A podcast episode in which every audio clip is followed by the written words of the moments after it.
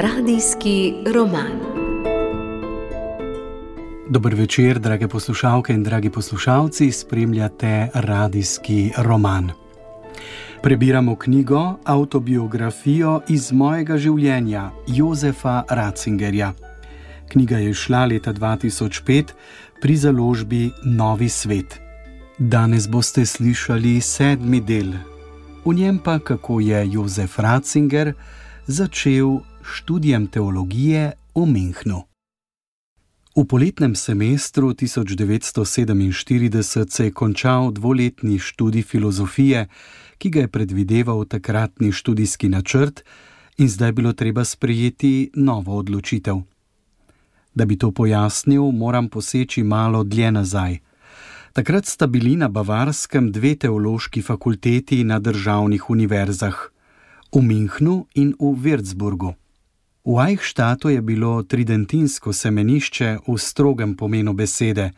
To je bogoslovno semenišče z lastnim, zgolj škofu podrejenim profesorskim zborom, ki je bil odgovoren za teološko izobraževanje. V petih škofijah, med njimi München Freising, je bilo po eno škofijsko bogoslovno semenišče, kateremu je pripadala državna teološka visoka šola.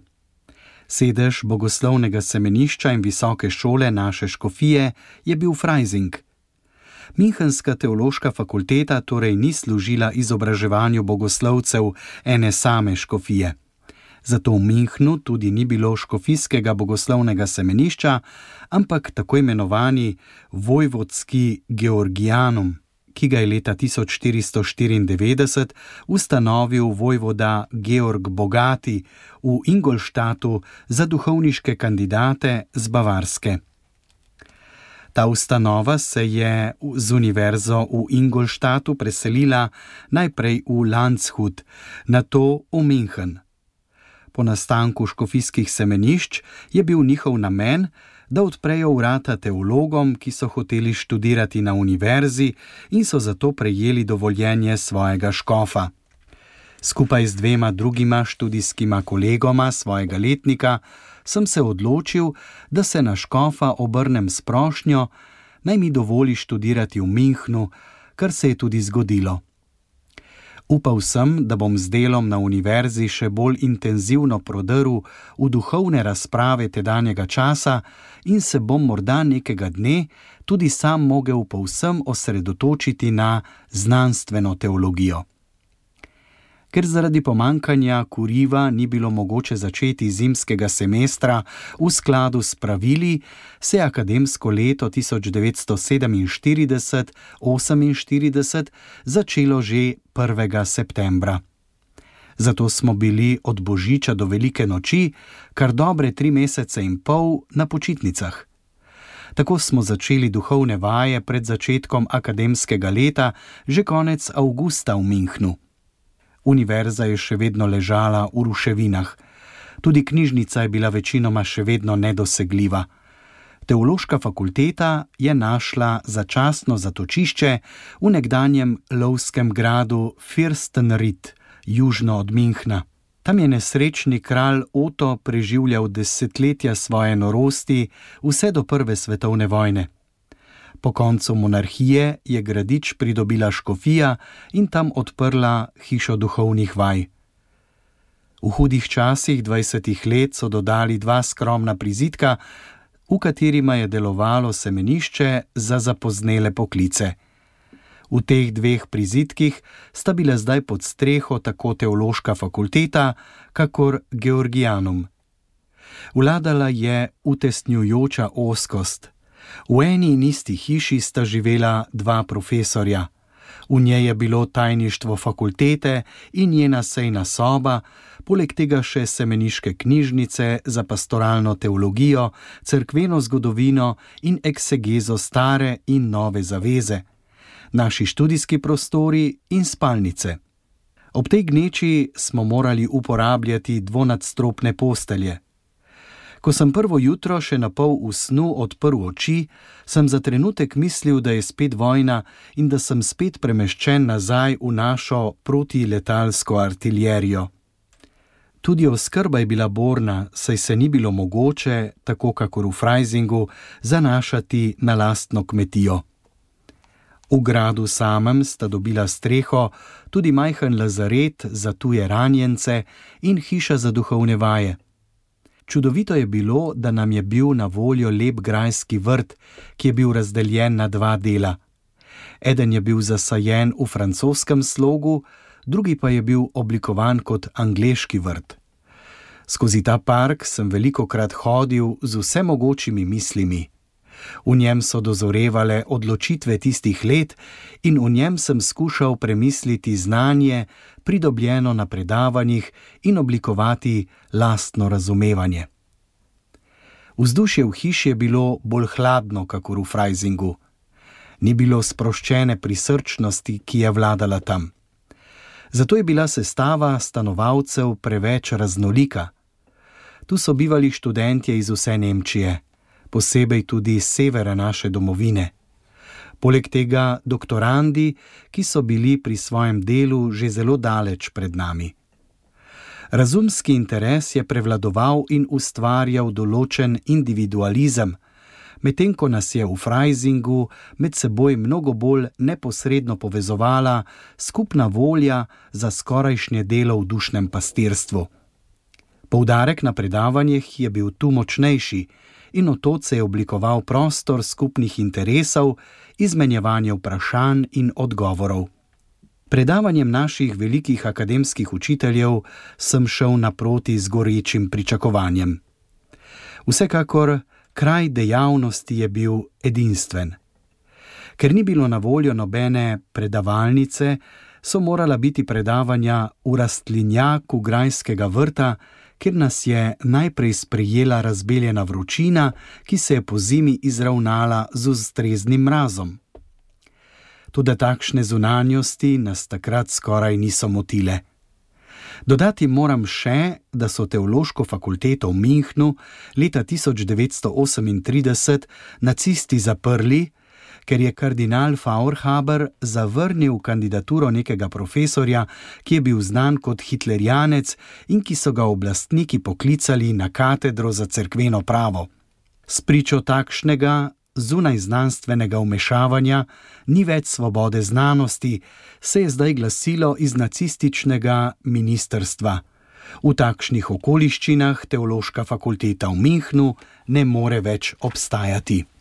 Tako je bilo treba po vojni fakulteto zgraditi čisto na novo. Najprej je bilo možno poseči nazaj v profesorski zbor dveh fakultet, Vroclav, Šlezija in Braunsberg, vzhodna Prusija, ki sta zaradi polske zasedbe dežel vzhodno od odrsko-niške meje in zaradi izgona Nemcev nehali obstajati. Iz Vroclava sta prišla profesorja za staro in novo zavezo. Štumer in Majer, ter za cerkveno zgodovino Zepelt.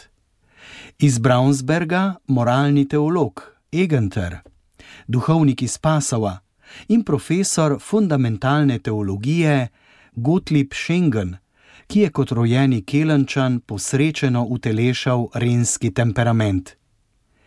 Iz Minstra je prišel Mihael Šumas, duhovnik iz Münchenske načkofije, ki je svojim novim učbenikom dogmatike postal znan daleč onkraj Nemčije. Zavrnil je novo scholastično schemo in napisal živahno predstavitev katoliškega verskega nauka iz duha liturgičnega gibanja ter ponovnega vračanja k svetemu pismu in cerkvenim očetom, ki je zraslo v letih po prvi svetovni vojni. Šumas je iz Minstra pripeljal še dva druga pomenljiva učenjaka pastoralnega teologa Jozefa Pašerja, ki je že pred vojno nekaj časa deloval na Münchenski fakulteti, in mladega profesorja za cerkveno pravo Klausa Mörsdorfa, ki je pravo predaval s posebnim poudarkom kot teološko disciplino, ki torej ni postavljal cerkvenega prava na rob teologije, ampak v njeno središče in ga je hotel razumeti iz učlovečenja kot logično posledico učlovečenja besede, ki se je tako spustila tudi v nujnost institucionalnih in pravnih oblik. Pašer je prehodil zanimivo duhovno pot. Najprej je študiral matematiko, se učil tudi orientalskih jezikov, nato se je spustil v pedagogiko in veroslovje in raziskoval mistiko Filona Aleksandrijskega, da bi končno našel pot prek pastoralne teologije k liturgiki, ki je bila v minhenskih letih njegovo siceršnje delovno področje. Kot direktor Georgijanoma je bil odgovoren za našo človeško in duhovniško oblikovanje.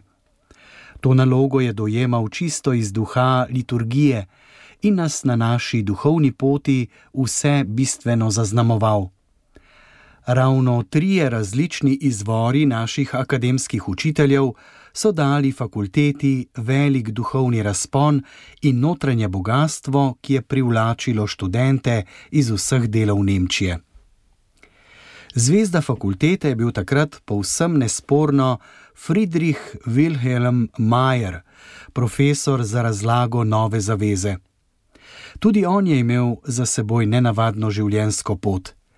Kot mladenič se je habilitiral na Strasburški univerzi, ki je takrat spadala k Nemškemu kraljestvu, kjer je bil v tistem času, pred letom 1911, profesor stare zaveze Mihael Faulhaber. Kot briljanten mlad učenjak je za nastajajoči komentar k Bibliji začel pisati razlago sinoptičnih evangelijev in pri tem zastopal danes skoraj splošno sprejeto teorijo dveh virov po kateri sta Markov evangelij in ne več obstoječa zbirka Jezusovih govorov, vir Q, podlaga treh sinoptičnih evangelijev in je torej Marko vir za potem takem mlajša evangelija po Mateju in Luku. To je nasprotovalo onemu staremu, do drugega stoletja nazaj dokazljivemu izročilu, ki je imelo Matejev evangelij za najstarejši evangelij in ki naj bi ga napisal apostol sam v hebrejskem narečju. Tako je Majer zašel v takrat silovit modernistični spor, čigar težišče je bilo ravno vprašanje o evangelijih. Francoski učenjak Lucy je skoraj povsem zanikal verodostojnost evangelijev. Teorije liberalne eksegeze so se morale izkazati kot ogrozitev bistvenih podlag vere same problem, ki še danes nikakor ni rešen. Majerjevo tezo so razumeli kot neke vrste kapitulacijo pred liberalizmom. Izločili so ga iz akademskega poučevanja. Več kot enkrat je navajal recedat a katedra, mora se odpovedati katedri, ki ga je doletel iz Rima. Tako je bil najprej vojaški kurat in je v tej službi prestal Prvo svetovno vojno na to je bil dušni pastir v nekem zaporu, na katerega prebivalce je vsekakor ohranil dobre spomine. V spremenjenem ozračju 20 let se je mogel končno spet vrniti v akademski svet. Leta 1924 so ga poklicali v Vroclav za učitelja nove zaveze in tam je, tako kot poznaje v Minhnu, hitro osvojil srca svojih poslušalcev nikoli ni mogel preboleti duševnega pretresa zaradi svoje odstavitve. Do Rima je občutil nekakšno zagrenjenost, ki se je med drugim raztegnila tudi na minhenskega načkofa, češ, da se mu je po njegovih občutjih približal premalo kolegijalno. Kljub tem pridržkom je bil Majer globoko veren človek in duhovnik, ki je skrbel za duhovniško notranje prepričanje mladih ljudi, ki so mu bili zaupani. Njegovo predavanje je bilo edino, za katero je bil rastlinjak premajhen. Treba je bilo priti zgodaj, da bi staknil še kakšen prostor. Pri tem je Majer z mnogih vidikov spadal že k minulemu svetu. Še vedno je gojil veliko retoriko z preobrata stoletij, ki mi je na začetku naredila velik vtis, potem pa se mi je zdela vedno bolj izumetničena in pretirana. Tudi zasnova njegove eksegeze je ostala še iz liberalnega obdobja. Sicer je z občudovanja vredno pridnostjo vse prebral in tudi poznal, kar je medtem išlo, Toda konec koncev je šel preobrat, ki sta ga v eksegezo vsak po svoje prinesla Bultmann in Bart, vendarle mimo njega. Ko gledam nazaj, bi rad rekel, da je bil vzorčni primer za tisto usmeritev, ki jo je Romano Guardini doživel pri svojih tibinških učiteljih in označil kot z dogmo omejeni liberalizem. To je nasproti novi usmeritvi, ki jo je Guardini morda kot prvi izdelal v drami modernizma, gotovo nezadostna pozicija. Dogma tukaj ni delujoča kot podarjajoča moč, ampak samo kot spona, zanikanje in meja v zgradbi teologije. Toda v oddaljenosti, zdaj že skoraj 50 let, toda iz oddaljenosti, zdaj že skoraj 50 let, lahko vsekakor znova vidim tudi pozitivno. Sproščeno spraševanje iz obzori liberalno-zgodovinske metode je ustvarilo nov neposreden odnos do svetih spisov in odkrilo tiste razsežnosti besedila, ki v preveč trdnem branju z vidika dogme niso bile več upoštevane. Svetopismo nam je govorilo z novo neposrednostjo in svežino kar pa je bilo na liberalni metodi samovoljnega in kar je poplitvilo svetopismo, pomislimo na Harnaka in njegovo šolo, je prestregla pokorščina nasproti dogmi. Ravno ravnotežje med liberalizmom in dogmo je imelo svojo lastno rodovitnost. Tako sem šest semestrov svojih teoloških študijev z veliko pozornostjo poslušal in predeloval Majerjeva predavanja. Eksegeza je zame vedno ostala središče mojega teološkega dela. Majerju gre za hvala, da je bilo pri nas svetopismo duša našega teološkega študija, kakor to terja drugi vatikanski koncil. Tudi če sem v splošnem vedno bolj čutil slabosti Majerjevega nastavka, ki ni mogel videti vse globine Kristusovega lika, ostaja tisto, kar sem slišal in se metodološko naučil od njega, zame temeljno.